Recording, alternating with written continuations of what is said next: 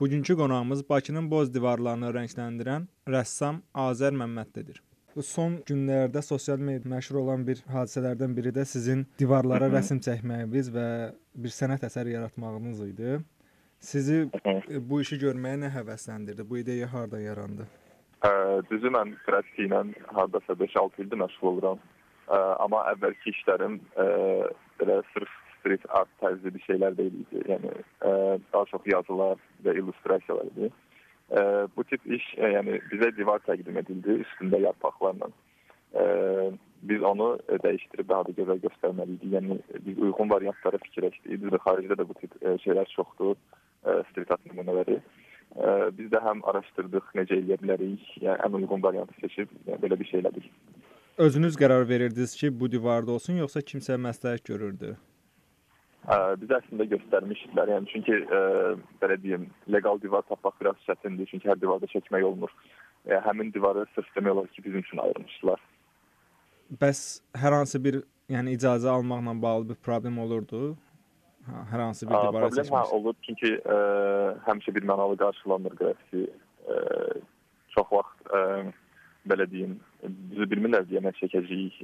Ona görə çox vaxt səs qarşılayırlar. İdeyanı əvvəldən planlaşdırır, yoxsa divarı gördükdən sonra qərar verirdiniz?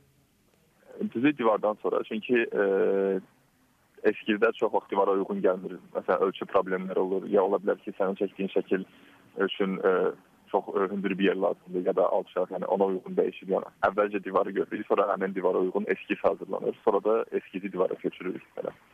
Rəsmləri çəkərkən insanların münasibəti necə olurdu sizə? Düzü mən mənfi münasibətlər gözləyirdim, yəni həmişə kimi, amma bu dəfə tam əks oldu. Yəni gözləmədiyim nəticələri gördüm. Yəni ə, insanlar maraqlanırdı, gəlib soruşurdular nə edirik, tərifləyirdilər, hətta dəstək olurdular ki, yəni çox yaxşı ki, belə şeylər edirsiniz. Yəni gözləmirdim mən də. Ə, sosial mesaj düzü yoxdur, ə, yəni tam açıq şəkildə. Yəni biz ə, belə deyim, təbiətdən istifadə edirik, yəni ə, belə deyim, ə, məsələn orada ağacdan istifadə edib onu başqa şəkildə göstərməyə çalışmışıq. Yəni sırf ə, təbiətlə cooperation kimi bir şey. Gələcəkdə bağlı hansı planlar var? Davam eləyəcəksiniz bu cür divar rəsmlərinə?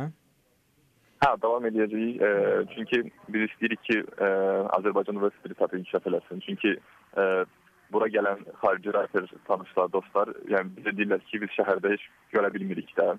Siz varsınız amma biz görmürük sizin işləri. Yəni e, mən istəyirəm ki, bizdə də müəyyən məsələn e, köhnə Bakıda divarlarda e, çox vaxt mozaikalardan ya da daşlardan ə, şəkillər olurdu fasadlarda, binanın fasadlarında yəqin ki bilirsiniz.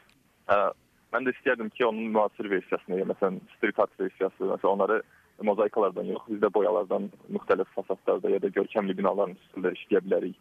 Ə, məsələn, sırf Bakıya aid illüstrasiyalar ya da bizim əhalini ə, necə deyim, ə, bizə xas xüsusiyyətləri göstərən illüstrasiyaları, yəni şəhərin görkəmli binaların fasadlarında çəkək, yəni məncə maraqlı olar həm də turistlər üçün, həm də yerli əhali üçün. Çünki çox maraqla qarşılanır belə şeylər.